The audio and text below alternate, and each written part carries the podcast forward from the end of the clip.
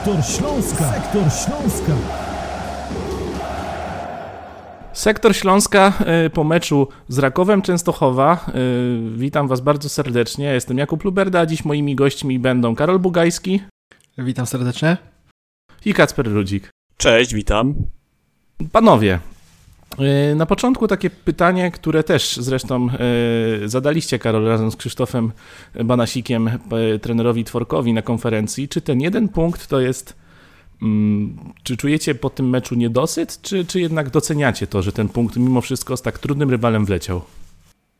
No, mimo wszystko chyba trzeba doceniać, biorąc pod uwagę wyniki tej kolejki, wygrywały wszystkie zespoły, które były i przed Śląskiem, i, i za Śląskiem, mam na myśli i Wisłę Kraków, i Zagłębie Lubin, i Wartę Poznań, więc szczególnie po wygranej Białej Gwiazdy, w sytuacji, w której ta przewaga przed meczem w Częstochowie zmniejszyła się do dwóch punktów, przewaga Śląska nad strefą spadkową, no trzeba było zrobić coś takiego, co, co, co nie tylko zasłuży na pochwały i, i żebyśmy nie, nie tylko mogli powiedzieć, że ten Śląsk był dzielny, że walczył, tylko że faktycznie coś zyskał. Mogły być trzy punkty, mogło być, mogło być znacznie lepiej. Yy, Pewnie większe były szanse na zwycięstwo nawet niż na porażkę, jakkolwiek to brzmi, bo jechaliśmy do Częstochowy raczej z takim poczuciem, że będzie źle, a tymczasem Śląsk nas zaskoczył pozytywnie. Szkoda tych niewykorzystanych sytuacji. Yy, Jest to jakiś prognostyk na przyszłość. Tak naprawdę pamiętam też tak, takie głosy i nastroje w piątek, yy, kiedy byłem na przedmeczowej konferencji prasowej przy Oporowskiej.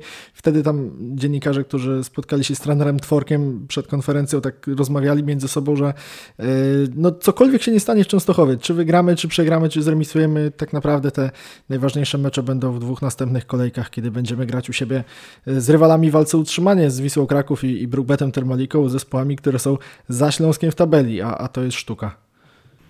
Kacpera, ty doceniasz czy nie doceniasz ten punkt?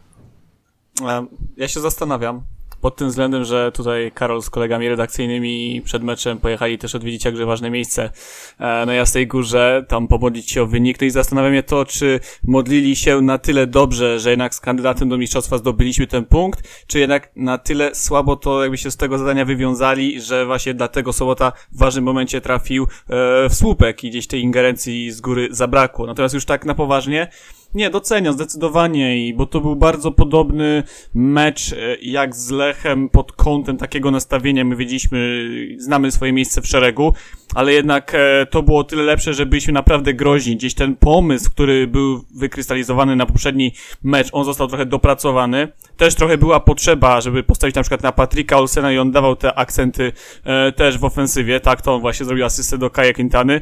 Więc myślę, że jak najbardziej warto docenić ten jeden punkt, e, zwłaszcza o tym, co Karol powiedział, tak? No, najważniejsze dopiero przed nami pojedynki. Mm, Poruszyłeś e, temat Patryka Olsena i dobrze się składa, bo akurat chciałem do niego przejść, dlatego że mm, występ tego zawodnika e, w meczu, me- w meczu z Rakowem był dosyć taki, powiedziałbym, trochę dziwny, bo, bo miał momenty bardzo dobre, miał momenty, kiedy z piłką wyglądał e, jak, jak taki futbolowy geniusz momentami, gdy mijał kolejnych rywali. E, Miał przecież fantastyczną asystę do Kaje Quintany.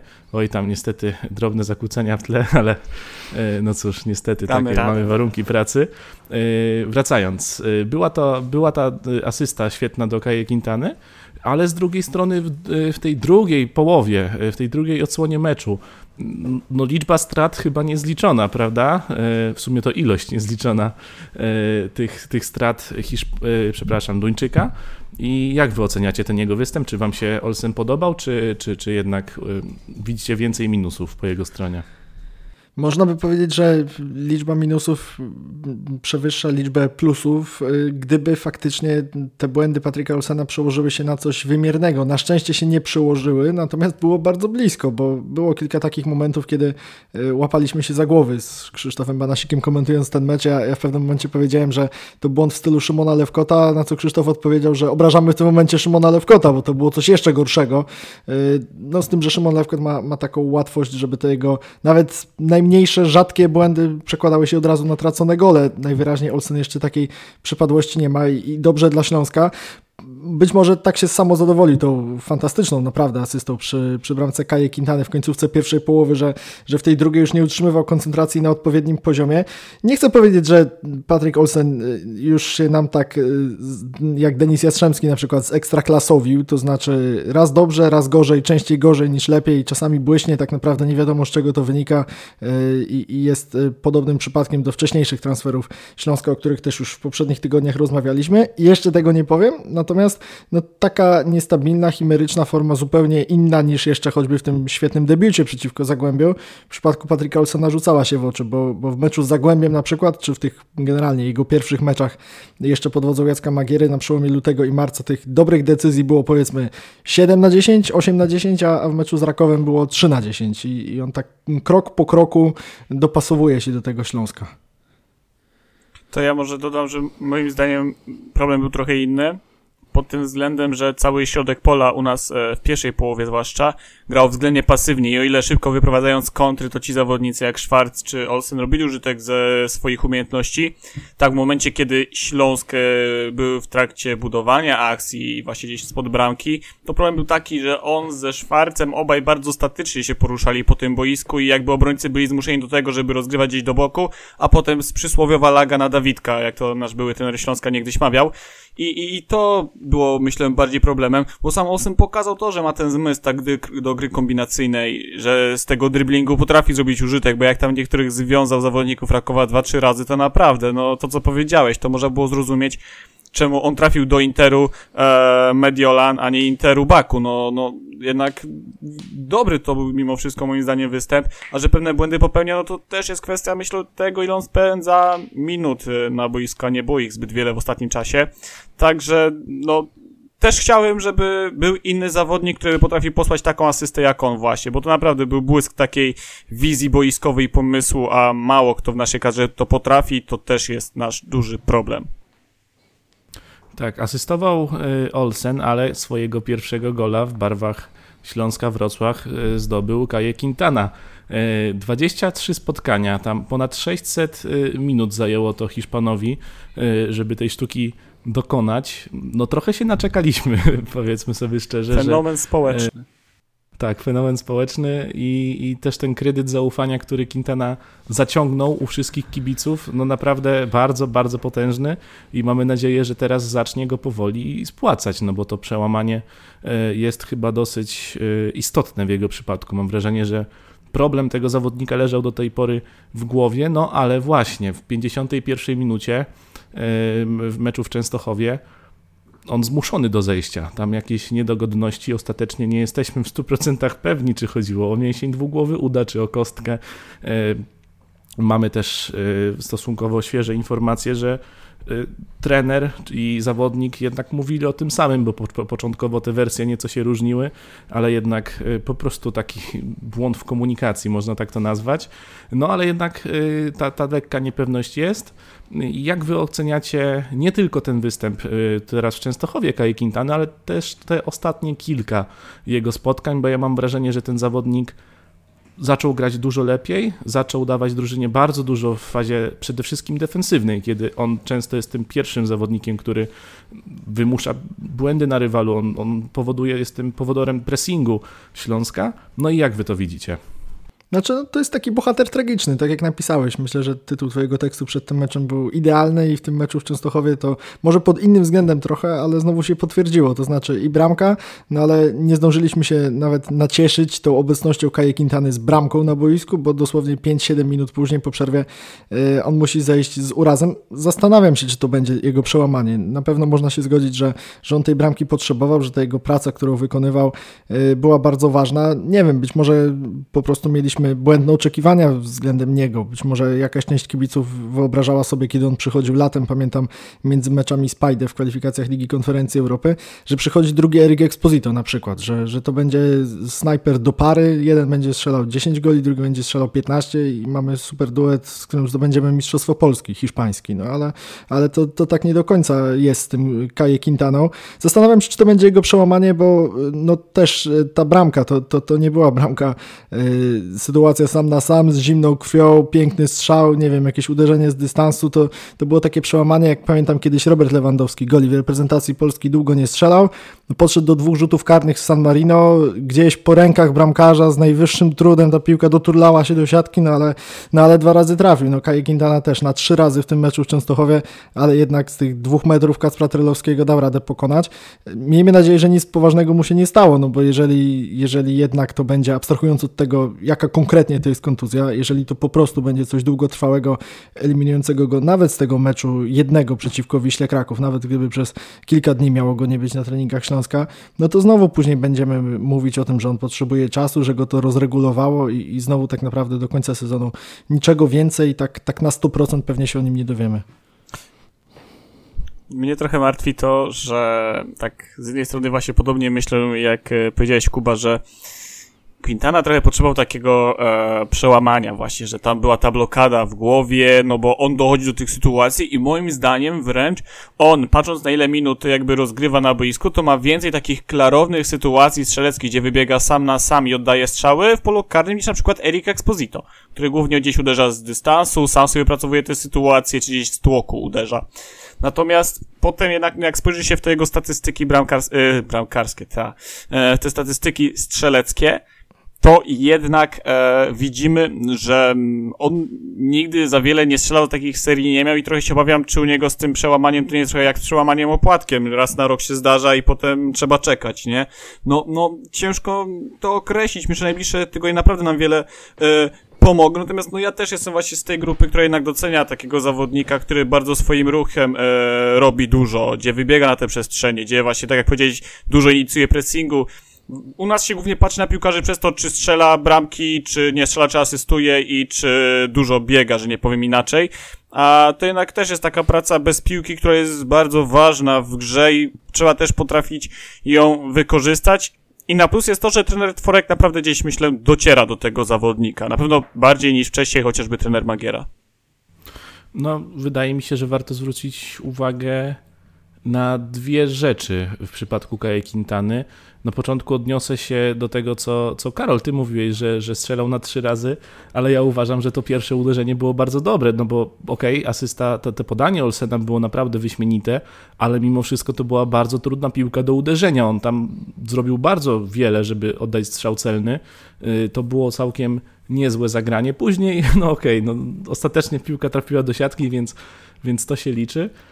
Chyba trochę musiał być ten gol na przełamanie, no właśnie w taki sposób wyglądać, no bo dużo lepsze sytuacje marnował, teraz. Ta sytuacja oczywista nie była i, i, i tutaj udało się trafić, ale druga kwestia, y, chciałbym się odnieść do tych liczb, bo z jednej strony tak, y, zawodnik pracujący dla drużyny, zawodnik, który, który ma przede wszystkim, no właśnie, ca, całą swoją robotę, wszystko co na boisko wykonuje, drużyna ma czerpać z tego korzyść, no ale z drugiej strony, jeżeli taki zawodnik strzela jednego gola w sezonie, to to jest za mało, bo możemy usprawiedliwiać, e, no właśnie, choćby taki przykład z tego meczu Gutkowskisa, który jest takim e, zawodnikiem, który również robi tytaniczną pracę dla drużyny, może nie ma wyśmienitych liczb, ale, ale tam to powiedzmy trochę się równoważy. Ja mam wrażenie, że żeby w przypadku Quintany to się równo, równoważyło, no to on jeszcze trochę tych goli, trochę asyst musi dołożyć. Nie, Sobie... no tak, to, to na pewno. Mhm. Ja też sobie Proszę, jeszcze spojrzałem e, w cyfry w międzyczasie, jak to wygląda i on ogólnie, no, strzela trochę tych bramek, najwięcej w Rekreativu Elwie, gdzie tam miał 60 meczów i 22 gole, tak, a w Maladze czy innych klubach gdzieś tam rozegrał po 33 mecze i na tych kilka bramek dokładał, więc to też jest tak, że on strzelał w innych klubach głównie po 3-4 bramki, tylko no gdzieś ten jego dorobek był trochę lepszy, więc no też miejmy nadzieję, że jednak e, ta ilość e, przełoży się właśnie minut, tak? Liczba minut rozegranych, bo jakby jakby układając jeszcze raz ten wywód. Śląsk rozegrał 23 mecze, ale zaliczył tylko 660 minut na boisku i ma z tego tylko bramkę. W innych klubach, no, miał tych minut y, prawie czterokrotnie więcej, nawet jak i, i, jeszcze krotnie więcej i jakby, no, też zdobywał więcej bramek, więc też może jest kwestia, żeby jednak tego czasu na boisku trochę dostać, tak? I właśnie też odnaleźć się w tym zespole do końca. No i tej jakości w ofensywie Śląsk będzie potrzebował, bo tak jak patrzymy sobie też w statystyki, nawet nie tyle tego niedzielnego meczu, tylko wszystkich spotkań, które Śląsk zagrał na wiosnę, 5 goli w 9 meczach. No to jest wynik najgorszy wspólnie z Górnikiem Łęczna, wynik absolutnie zawstydzający dla zespołu, który ma w kadrze Erika Exposito, Fabiana Piaseckiego i, i Kaje Quintana. To nie jest tercet ofensywny na miarę podium, może to nie jest tercet ofensywny na miarę pewnego miejsca w górnej połowie tabeli, ale też na pewno nie na, nie na tak słabą skuteczność były też oczywiście w liczbie tych pięciu bramek gole z rzutów karnych, na przykład Piaseckiego z Piastem, więc, więc ta skuteczność się przyda, bo też y, umówmy się, że te mecze grane u siebie z zespołami y, Wisły Kraków, Brukbetu, Termaliki, które walczą o utrzymanie, będą inne inne będą oczekiwania wobec Śląska niż w tych dwóch ostatnich meczach z Lechem i Rakowem. Ta, ta poprzeczka tak dosyć dynamicznie, raz, raz na górę, raz na dół, ale, ale na pewno Śląsk ciągle będzie potrzebował skuteczności. To znaczy mówisz, że, że, że ten tercet ofensywny nie jest na miarę górnej połowy tabeli, a ja mam wrażenie właśnie, że powinien być, że, że powinniśmy powinien, oczekiwać. Powinien, ale, ale nie jest, bo z jakiegoś powodu Fabian Piasecki nie jest piłkarzem ze Stali Mielec cały czas. Można go chwalić za niedzielny występ, natomiast gen, mówię generalnie o meczach z tego roku. Erik Exposito stracił miejsce w składzie nieprzypadkowo, no a Kaje Quintana od niedzieli ma wreszcie y, taką samą liczbę bramek co czerwonych kartek w meczu, meczu Śląska. Być może, być może jeszcze do końca sezonu będzie miał więcej tych bramek. Albo kartek. Mamy nadzieję, Miejmy nadzieję że nie. Jeszcze mecz Termalikow jest, już jedno dostał w tym sezonie. Yy, tak, ale poruszyłeś właśnie wątek ofensywnych zawodników. Yy, no i właśnie, Fabian Piasecki zagrał w Częstochowie, zagrał moim, moim zdaniem bardzo przyzwoite zawody. Szkoda na pewno tej innej sytuacji, w której obił słupek, yy, bo, bo tam wykonał bardzo dobrą robotę. Michał Szromnik zanotowałby swoją asystę po również świetnym, trzeba powiedzieć, na wybiciu z bramki. Mm, no właśnie, ale, ale Piasecki chyba pokazuje, że no, trener Tworek potrafi obudzić w nim tą mielecką bestię, y, a Eric Exposito po wejściu z ławki również zaprezentował się całkiem przyzwoicie, także ta rywalizacja w końcu, zamiast polegać na tym, kto, który z zawodników bardziej przejdzie obok meczu, to zaczyna polegać na tym, że, że ci zawodnicy rzeczywiście się chyba napędzają. No i mm, kto byłby waszym pierwszym wyborem? Którego z napastników chcielibyście ujrzeć w przyszłym spotkaniu? Ja myślę, że te akcje Piaseckiego idą w górę trochę, trochę dlatego, że trener Piotr Tworek dał mu przestrzeń i dał mu jakiś taki komfort psychiczny, bo, bo mi się wydaje, że y, Fabian Piasecki miał po prostu problem z Jackiem Magierą i obie strony mogły zaprzeczać, natomiast pamiętamy te wszystkie wypowiedzi, pamiętamy te ich skomplikowane relacje. I ja byłem pesymistycznie nastawiony widząc w niedzielę Fabiana Piaseckiego w wyjściowej 11, y, bo pamiętałem jak to wyglądało w poprzednich sezonach, jeszcze nawet pod wodzą trenera Lawiczki, kiedy Piasecki potrafił dać w jednym meczu naprawdę dobrą zmianę, nawet zdobyć bramkę gdzieś na wagę punktu punktów w końcówce i w kolejnym meczu wychodził od pierwszej minuty i, i, no właśnie, przechodził koło meczu. Zupełnie, zupełnie to się nie sprawdzało. To tak nie działało w przypadku Fabiana Piaseckiego, że on po dobrym wejściu zasługuje na miejsce w 11. Nie zasługiwał, zawsze, zawsze wszystko co mógł dać to właśnie rola Jokera po wejściu z ławki. Tymczasem w Częstochowie ta sytuacja, o której mówisz, ona miała miejsce już w pierwszym kwadransie, nie wiem, w pierwszych 10 minutach yy, i, i później Piasecki też się sprawdził w pierwszej połowie jako obrońca, wybijając tę piłkę z linii końcowej po rzucie rożnym Rakowa, więc Fabian Piasecki na pewno odżył pod wodzą Piotra Tworka. Fabian Piasecki został dla Śląska nie wiem, czy ostatecznie uratowany, ale jakoś tak y, przynajmniej na razie y, odrestaurowany na, na miarę tego czasu, w którym jesteśmy, na miarę tego momentu sezonu, na miarę też rywalizacji z Erikiem Exposito w takiej formie, w jakiej on jest. Y, i, i sytuacji, w której Śląsk znajduje się w tabeli, więc ja myślę, że w meczu z Wisłą Kraków nie ma co od tego odchodzić. Myślę, że tutaj Piasecki popracował na to, żeby, żeby wygrać tę rywalizację z Exposito w wyjściowej 11 i no Hiszpan y, musi teraz się napracować. No tak, przede wszystkim e, różnica była jednak w e, tej takiej mm, dochodzeniu do tych sytuacji, tak? To właśnie było na plus. Szkoda tylko, że z nich nie wykorzystał, bo to byłoby dobre podsumowanie e, meczu Piaseckiego. Natomiast warto też właśnie spojrzeć pozytywnie na to, jak ta zmiana Exposito wyglądała, bo ty skupiłeś się na Fabianie, to ja tak gdzieś właśnie przejdę do Erika bardziej, że jednak Exposito pokazał coś, czego trochę nam brakowało w tych ostatnich jego występach, czyli gdzieś tak potrafił się znowu uwolnić tak spod opieki e, rywali, gdzieś zejść do rozegrania, no przecież to on właśnie podaniem uruchomił chyba Dino Stigleca, który prawie, że dograł, znaczy no on dograł, tylko Sobota zrobił to, co wszyscy wiemy w niedzielę i tu był problem. Ja tak gdzieś po tym meczu się zastanawiam, czy trochę z jednej strony ta taktyka się gdzieś tam sprawdza defensywnie, bo nie jest aż tak gorąco w trakcie samej gry, jak e, by mogło się zdawać.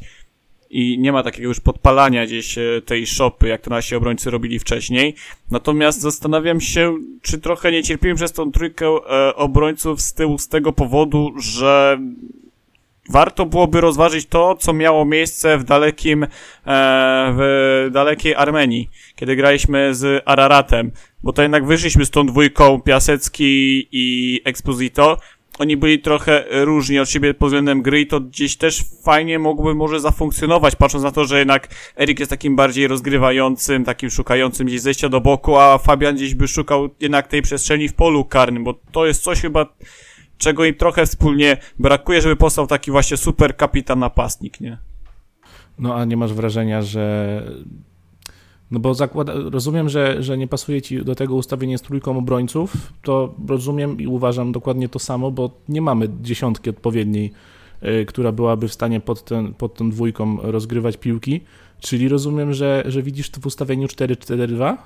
Coś właśnie w tym stylu, pod tym względem, że oni by obok siebie trochę funkcjonowali jak takie, wiesz, dwie jednostki, które by się wzajemnie uzupełniali, tak? Bo Exposito też potrafi pograć w powietrzu, mogliby wzajemnie po sobie też piłki zbierać, zbijać dla siebie, uruchamiać innych zawodników. No bo dzisiaj mamy, mam wrażenie, trochę ten problem, że nam trochę brakuje tego przetrzymania piłki w momencie, kiedy przesuwamy akcję wysoko do przodu. To wtedy tworzy się duża luka i albo jest sam Fabian, który czeka e, na na przykład wahadłowych czy pomocników, albo vice versa z Exposito. A we dwóch jakby tak gdzieś może obok siebie funkcjonowali gdzieś to można byłoby może bardziej spożytkować też, bo też nie wiem, czy z Olsena będziemy korzystali dalej, jednak mając Mączyńskiego i Szwarca, gdzie potrzebujemy też zabezpieczenia obrony bardziej, tak? Co do tego ustawienia, e, a nie masz ja ogólnie bym widział to w ten sposób, że może na przykład, e, Śląska że jak gramy to e, proponujesz, 3, 4, no to 2, ich po 1, pierwsze to za że to robi dużo się nie jako ma, a po 3, drugie 4, do 1, Denisa 2, Strzemski, coś na zasadzie Pich, jak Robert Pich e, był taki funkcjonujący za No Piaseckim i za Exposito wtedy, to Niekoniecznie Robert Pich, jakby fajny zawodnik, ale niekoniecznie on, może właśnie Patrick Olsen trochę wyżej funkcjonujący przed y, Mączyńskim i Szwarcem. Może tu taki trójkąt gdzieś na tej linii, na tej szpicy mógłby jakoś fajnie zafunkcjonować, tak? No to jest tylko takie teoretyczne bajanie, tak? E, bez wiedzy na treningach, ale no mamy trochę za dużo, myślę, mimo wszystko potencjału, mimo tych problemów, żeby gdzieś tak ich też tylko sadzać jednego z nich na ławce.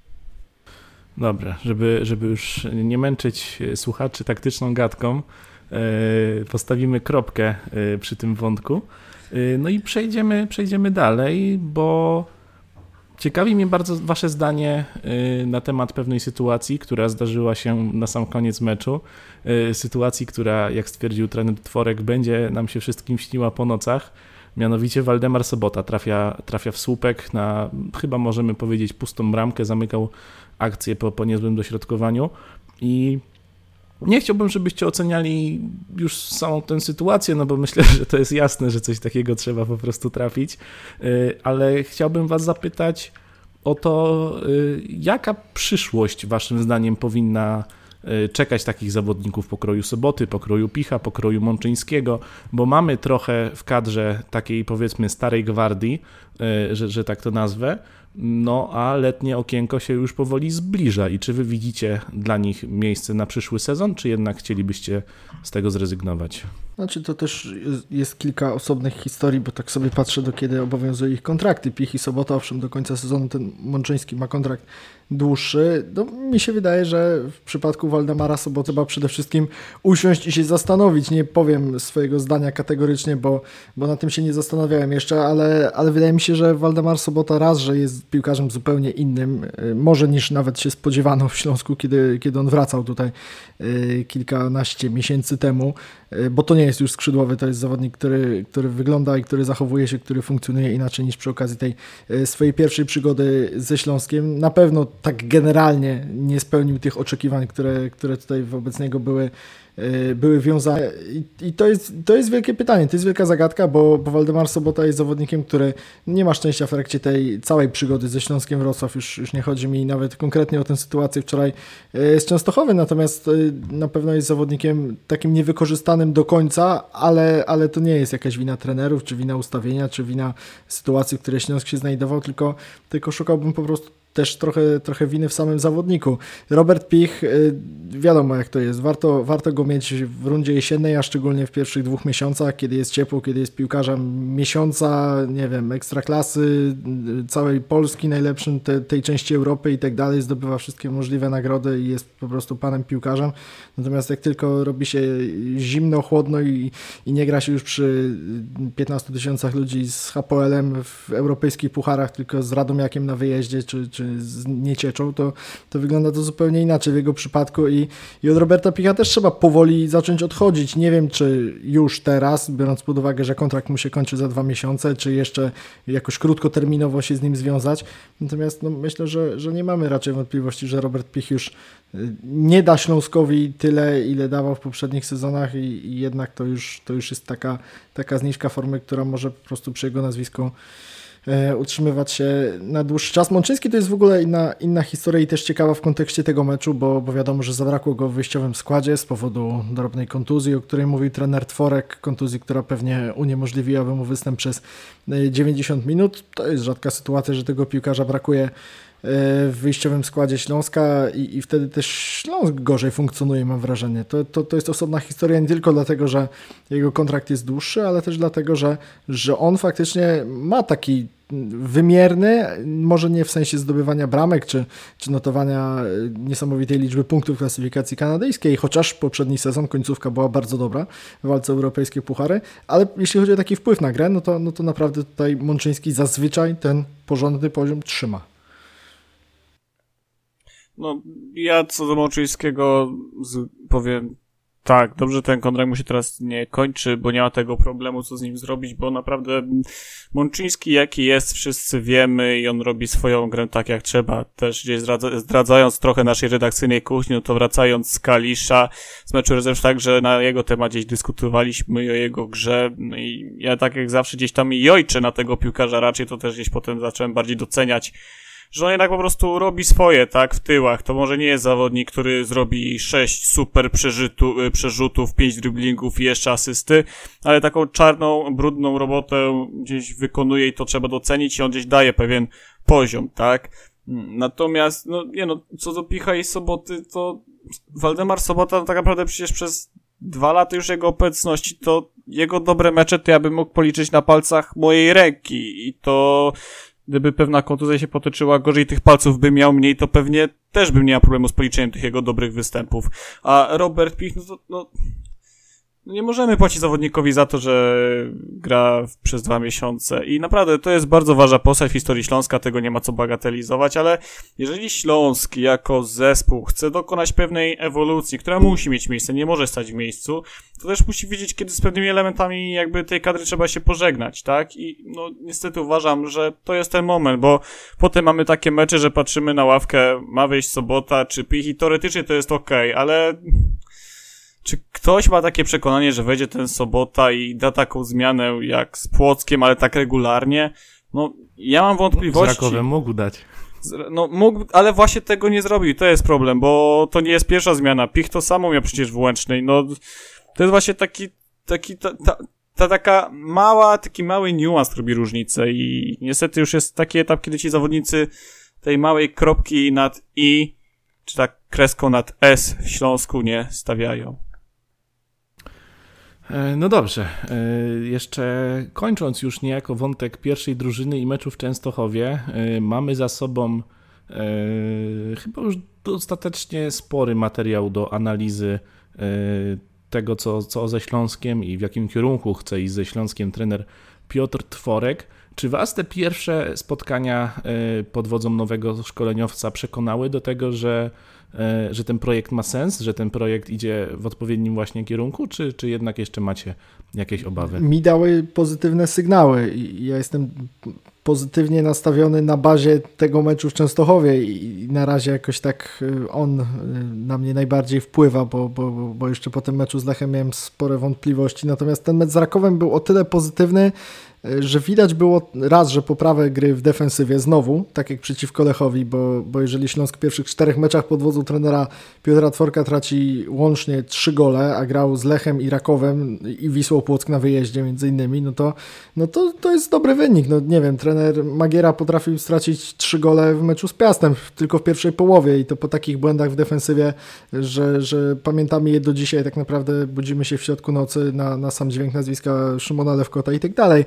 Trener Piotr Tworek inaczej, na pewno trochę odważniej y, ten swój zespół nastawił na te mecze. Nie wiem, czy to cały czas jest efekt nowej miotły, natomiast pamiętam i też mam cały czas traumę, na przykład jak trener Magiera spanikował przy okazji meczu z Legią w Warszawie, gdzie tak naprawdę jedynym celem Śląska było dowiezienie wyniku 0 do 0, kiedy okazało się, że Paweł Wszołek strzelił gola, to żadnego innego planu B nie było. Śląsk tam sobie nie stworzył pół sytuacji, Śląsk nie podjął walki ze słabą wtedy jeszcze Legią, chyba nawet plasującą się w strefie spadkowej.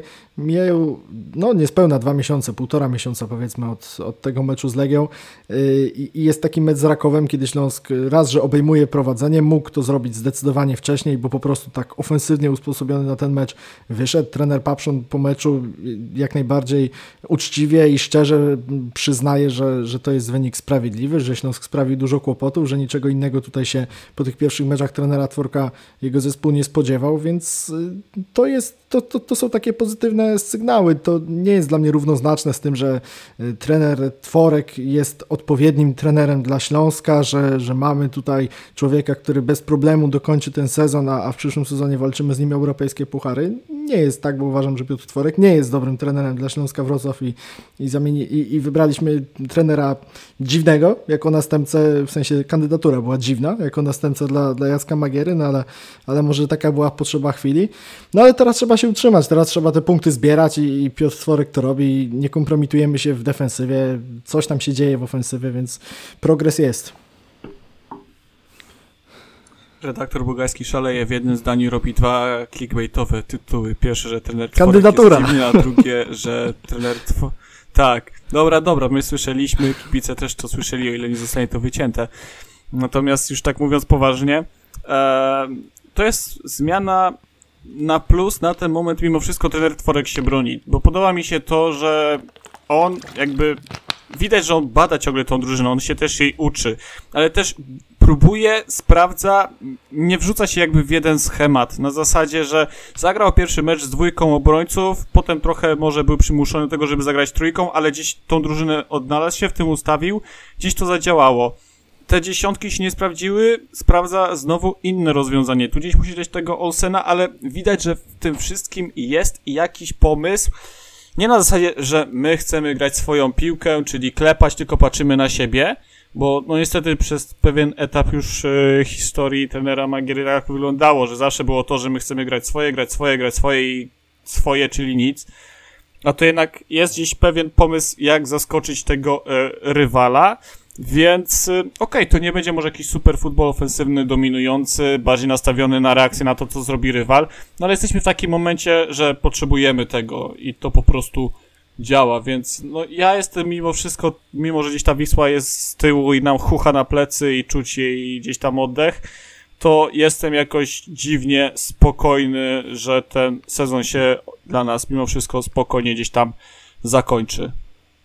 Mm, jeżeli mówimy o trenerze Tworku, to ja mam wrażenie, że warto docenić jedną rzecz, że trener Tworek mówi pewne rzeczy, a potem je wykonuje, bo po meczu z Lechem chyba, albo przed meczem z Rakowem, no gdzieś w tym okresie czasowym powiedział, że, że tak, że on zastanawiał się nad tym, czy, czy Piasecki nie powinien być pierwszym wyborem. Mamy mecz w Częstochowie, no i Piasecki jest pierwszym wyborem. Po meczu z Lechem mówi, że, że muszą pomyśleć, jak usprawnić grę w ofensywie, muszą nad tym popracować. No i rzeczywiście widać tę pracę wykonaną, prawda? Y, także to jest coś, co jest fajną odmianą, że tak powiem, dlatego że pamiętamy konferencje z trenerem Magierą, które były bardzo sympatyczne i, i tam naprawdę było wszystko e, na takim powiedzmy dżentelmeńskim poziomie, no ale jednak miałem takie wrażenie, że, że, że te słowa trenera bardzo często nie przekładały się na rzeczywistość, czyli nie, nie, absolutnie nie mam kryzysu w ogóle, o czym wy mówicie, po czym po czym Znaczy z trenerem Magierą było tak, że on, on mówił, a trener Tworek robi po prostu. I też y, właśnie to, o czym powiedziałeś, że obecny szkoleniowiec Śląska wprowadza w życie te swoje pomysły, że on je komunikuje i później ma to jakieś swoje odzwierciedlenie. Ja mam, miałem takie wrażenie w końcówce pracy trenera Magiery, to było bardzo charakterystyczne, bo kilka razy się powtarzało, w, powiedzmy w czwartek, w piątek odbywała się przedmeczowa konferencja na Oporowskiej, dziennikarze nawet już pod podsuwali jakieś rozwiązania, mówili, no nie wiem, no może, yy, nie wiem, zmiana bramkarza, może niech ten Szymon, tak, może niech ten może Szymon Lewko nie wychodzi. Pomoc. Trener Magiera mówi, nie, nie, no tutaj będziemy decydować, zostało jeszcze trzy dni do meczu,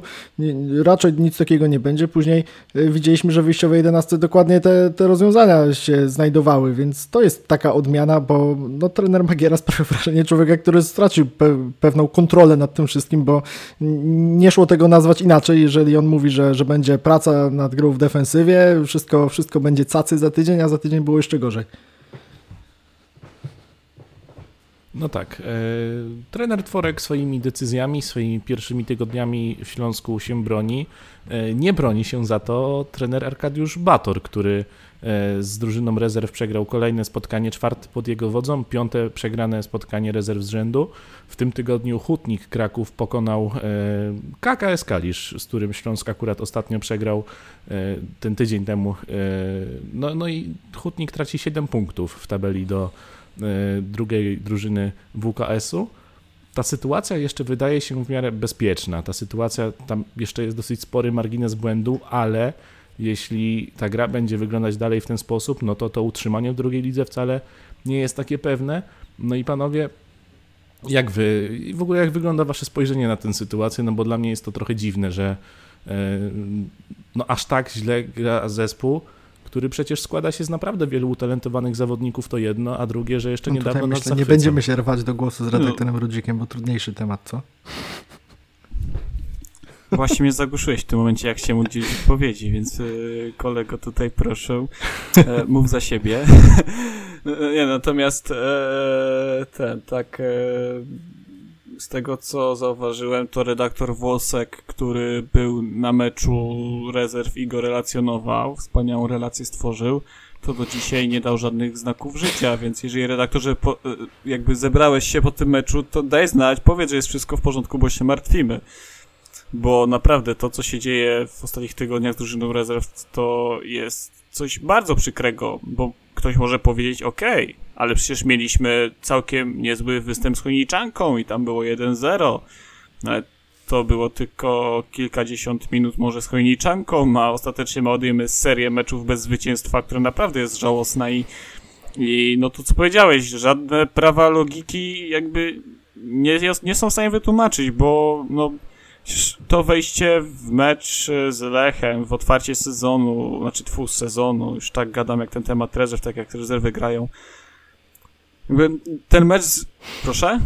Otwarcie rundy. Tak, otwarcie rundy, dziękuję, pogubiłem się.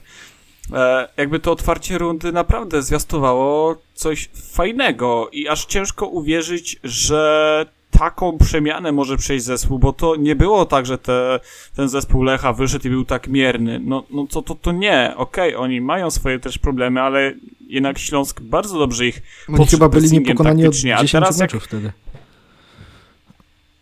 No, no właśnie, dużą, jakby potężną serię im przerwaliśmy, a teraz jakieś takie mam wrażenie, nie wiem, że jakby jakaś taki marazm tam zapanował i sam trener, no, który tłumaczy swoje decyzje tak, a nie inaczej, że w sumie było dobrze zagrane, tylko rywal był nie taki i, i no okej, okay, gramy dalej. No to, no, no nie, no to jest bardzo przykre, patrząc po tych ostatnich kilkunastu miesiącach na, naprawdę ciekawie prowadzonego projektu i ciężko to rozsądnie skomentować, dlaczego jest aż tak, tak, mieliśmy źle. okazję poznać tak naprawdę trenera Batora tydzień temu przy okazji tego meczu w Kaliszu. Na pomeczowej konferencji nie zrobił na nas jakiegoś super wrażenia swoją mową ciała, powiedzmy, i, i właśnie tymi reakcjami, o których mówisz, Kasper, bo no, te odpowiedzi na nasze pytania, one były oczywiście grzeczne, wyczerpujące i, i kulturalne, natomiast no,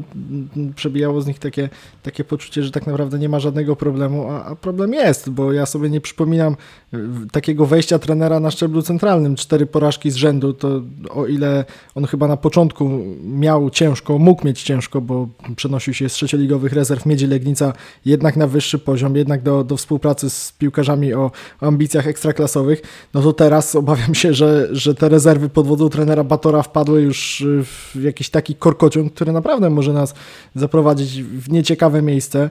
Z pomocną ręką może wyjść Sokół Ostruda, bo, bo gramy z Sokołem Ostruda w tej wielkanocnej kolejce, a wiemy, że Sokół Ostruda to pogodzony ze spadkiem już był mniej więcej przed tym pierwszym meczem e, tego sezonu, który w październiku odbył się przy Oporowskiej, tylko właśnie no, wtedy on przyjechał chyba po 11 porażkach rzędu i nie dość, że zachował czyste konto, to, to, to zremisował 0 do 0 jeszcze z tą poukładaną, tam w ogóle jakiś młody trener zadebiutował, jakiś 26-latek, pamiętam, gościu chyba, zupełnie nie wiem, nawet Chyba tak, nie ale właśnie jeszcze dobra. wtedy ten Sokół Ostruda nam sprawił kłopoty, mimo że ten Śląsk 2 jeszcze był prowadzony przez tego poukładanego yy, trenera Wołczka, za którym dzisiaj tęsknimy, więc no jeżeli tam były wtedy takie problemy, to, to jakie mogą być problemy z trenerem Batorem? No, generalnie wydaje mi się, że y, jest jakiś problem z tymi rezerwami, bo z zespołu, który miał być no takim, powiedziałbym, nie chcę użyć słowa dostarczycielem, ale, ale producentem tych y, talentów dla, dla pierwszego zespołu i, i miejscem do rozwoju młodych, ciekawych piłkarzy, tam szczytem marzeń nagle się stało, żeby się utrzymać. I ja też jak słyszę jakieś wypowiedzi nieraz przywijające się z klubu, to tam chodzi tylko o to, żeby się utrzymać, żeby być w tej drugiej lidze, tak naprawdę nie mieć żadnych większych ambicji, natomiast no, to jest droga donikąd. W tym sezonie może się uda utrzymać bez większych problemów. Mówiliście, że to jest 7 punktów przewagi nad Hutnikiem, natomiast jakimś cudem Śląsk ma lepszy bilans dwumeczu z Hutnikiem, więc to jest w praktyce 8 punktów i, i dobrze, bo po 27 meczach to jest przewaga stosunkowo bezpieczna. No ale jeżeli od, od początku przyszłego sezonu mamy znowu wychodzić z takim nastawieniem, nie będzie już wtedy Sokoła Ostruda, nie będzie już GKS-u Bełchatów, który się wycofał z rozgrywek, pewnie nie będzie tak dużych różnic w tabeli między bezpieczną strefą, a, a nawet e, pierwszym miejscem spadkowym, no to nie wiem, no przykład dają rezerwy Lecha Poznań, można powiedzieć, które są na, na szóstym miejscu w tabeli, które są w strefie barażowej, no ale rok temu o tej samej porze to Śląsk był w miejscu rezerw Lecha, rezerwy Lecha były w miejscu rezerw Śląska, więc coś, coś się przestawiło tam we Wronkach czy w Poznaniu, a, a przy Oporowskiej ktoś wstał pewnego dnia i, i właśnie jak, jak temu Piotrowi Zielińskiemu się przestawiło, że no te rezerwy, jak, jak będzie, tak będzie. Czy to ja się tylko jedynie nie zgodzę z tym względem, że będzie co będzie, bo jakby dla rezerw nie jest najważniejszy wynik, tylko sposób gry, ogrania tych młodych piłkarzy, jakby zbudowanie ich w pewien sposób myślenia i zachowania na boisku, żeby się odnajdywali w tym futbolu seniorskim. I to jest dla mnie chyba najgorsze, że nie widać tak tego pressingu, nie widać tej takiej odwagi w grze, że te akcje są budowane w pewien przemyślany sposób i do czegoś prowadzą, tylko jest taki właśnie marazm z piłką. Takie mam wrażenie. Kuba, bo to jest też twój ulubiony temat, więc może coś skomentujesz.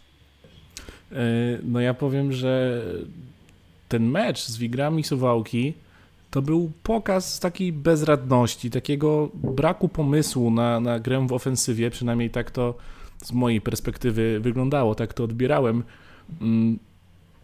No i to jest troszkę straszne, bo, bo, bo mówimy o drużynie, która jeszcze niedawno tak naprawdę porywała nas swoim polotem, e, porywała nas młodzieńczą fantazją, tym, że ci zawodnicy grali odważnie, szukali pojedynków jeden na jeden, że e, próbowali po prostu się pokazać, prawda? A, a teraz mam wrażenie, że tak jak Karol mówisz, że, że nie przekonał nas trener Bator swoją mową ciała, na konferencji prasowej, to ja mam wrażenie, że gra rezerw jest dokładnie taka jak mowa ciała trenera Batora, czyli, czyli no po prostu taka nieprzekonująca, yy, dyplomatycznie to ujmując. Wybrnął. No martwi, martwi nas, nas ta postawa y, tych młodych zawodników, no bo tam przede wszystkim jest kilku naprawdę konkretnych piłkarzy, kilku takich, y, takich młodych zawodników, którzy, kto wie, może wielkie kariery mają jeszcze przed sobą, no ale takie mecze jak y, w sumie poprzednie cztery zdecydowanie do ekstraklasy ich nie przybliżają. No dobrze, panowie, myślę, że y, będziemy zmierzać do końca. Mm, Głupio wyszło, że akurat tak pesymistycznym akcentem, szczególnie, że y, ten mecz z Rakowem naprawdę był dobry, no ale niestety nie samym Rakowem kibic Śląska żyje. Przynajmniej i- powinien. a właśnie, a przynajmniej powinien nie tylko tą pierwszą drużyną żyć. Mm, Dziękuję Wam e, za, za udział e, w tym nagraniu. Był z nami dzisiaj Karol Bugajski Dziękuję. i Kasper Rudzik. Dzięki, do usłyszenia, cześć. Wpadajcie oczywiście na naszą stronę, gdzie, gdzie wiele ciekawych materiałów. Odwiedzajcie naszego partnera LVBet. Yy, No i cóż, słyszymy się już niebawem, za tydzień. Hej Śląsk!